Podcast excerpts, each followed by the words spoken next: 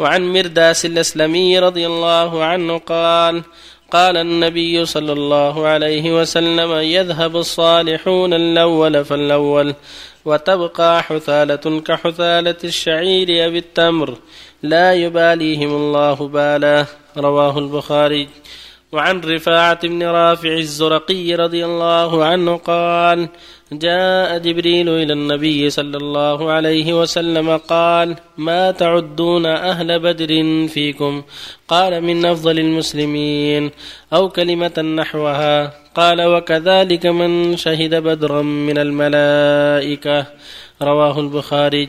وعن ابن عمر رضي الله عنهما قال قال رسول الله صلى الله عليه وسلم إذا أنزل الله تعالى بقوم عذابا أصاب العذاب من كان فيهم ثم بعثوا على أعمالهم. متفق عليه.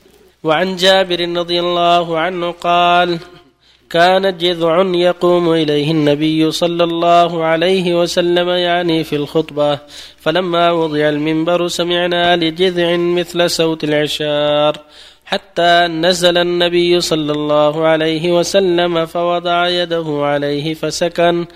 وفي رواية فلما كان يوم الجمعة قعد النبي صلى الله عليه وسلم على المنبر فصاحت النخلة التي كان يخطب عندها حتى كادت تنشق.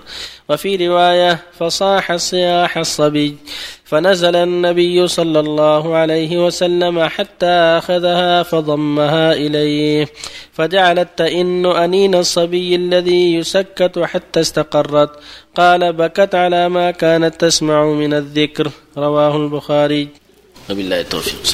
بسم الله الرحمن الرحيم. الحمد لله وصلى الله وسلم على رسول الله وعلى آله وأصحابه ومن اهتدى بهداه. أما بعد فهذه الأحاديث من العجائب والغرائب التي بينها النبي صلى الله عليه وسلم ومن ما يقع في آخر الزمان ومن معجزاته عليه الصلاة والسلام.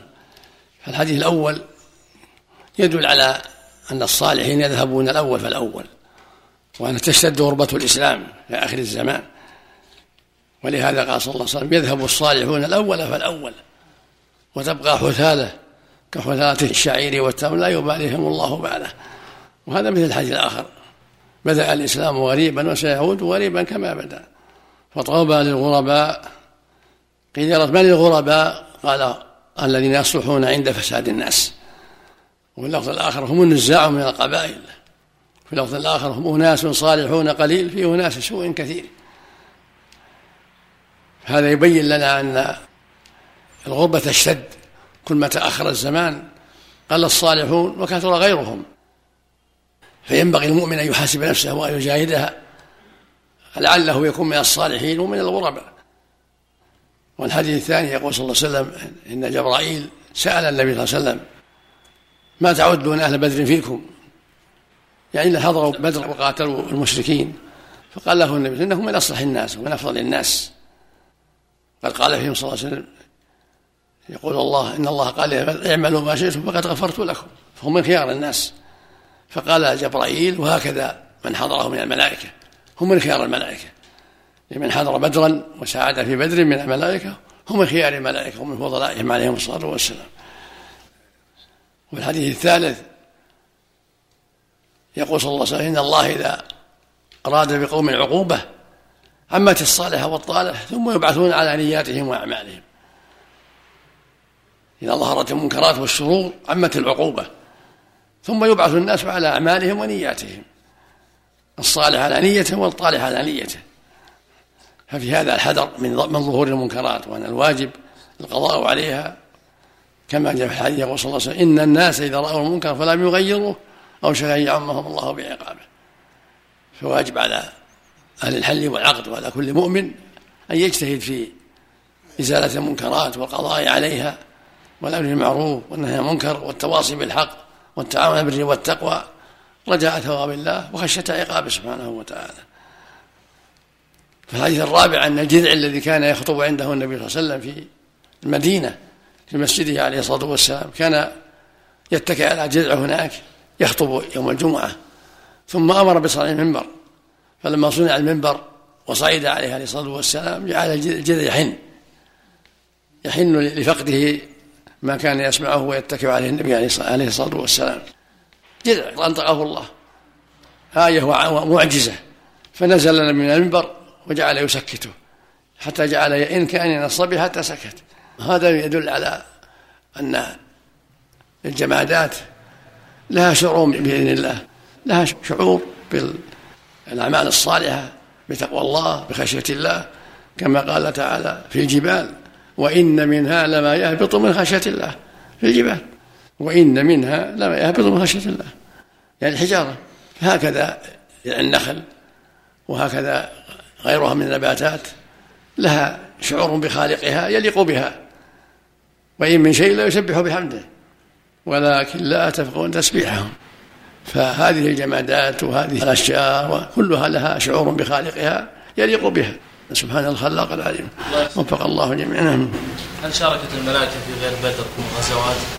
جاء في بعض الأحاديث مشاركة في حرب هوازن ويوم يوم حنين. الجمع صلى الله عليك. بين بين هذا الحديث الذي ذكر فيه عليه الصلاة والسلام إذا أنزل بقوم عذابا وبين أن أمة محمد صلى الله عليه وسلم لا يعذبون عامة. إذا أنزل على قوم هم كلهم. لا أنزل على قوم طائفة اجتمعت مثلا في قرية واظهروا منكر وعمت العقوبة تعم الصالح والطالح مثل اللي يغزون مكة في آخر الزمان ينزل بهم عقوبة في بيداء من الأرض فيخسف في أولهم وآخرهم. يعني ليست قيل يا رسول الله. كيف يغسل بأولهم وآخرهم وفيهم أسواقهم ومن ليس منهم؟ قال يغسل بهم جميعا ثم يبعثون على نياتهم. نسأل الله. اللي نفاه النبي حرب العقوبات العامة. يعني تعم أهل الأرض كلهم. نعم. إنكار القلب هل يمنع حدوث العقاب العام؟ ما يكفي لابد من إنكاره. القول والفعل. مع قدرة. أما اللي ما يقدر يكفيه القلب. وهذا يمنع العقوبة أحسن الله إليك. عنه العقوبة عنه.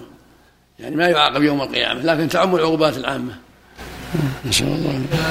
هل صحيح مثلا من يقول أن الحيوانات والجمادات أفضل عند الله من عصاة المسلمين؟ لا هذا ما عليه دليل هو عليه هو ما عليه دليل كلام ما له ما له أساس. لأن عصاة المسلمين عندهم التوحيد عندهم الإيمان الأساسي اللي يدخلون به الجنة ولا عذبوا. أنهم أصل التوحيد لكن ظلموا أنفسهم كما قال تعالى فمنهم ظالم نفسه.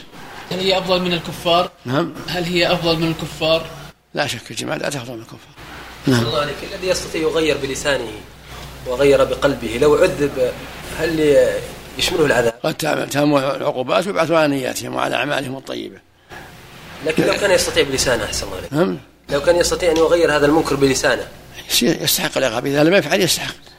نسأل الله العافية. لكن قال القرآن بين الذين ينهون عن السوء يقبل على الإنكار العلني نعم. القلب ما يكفي القلب حتى بس النجاة إذا كان عاجز.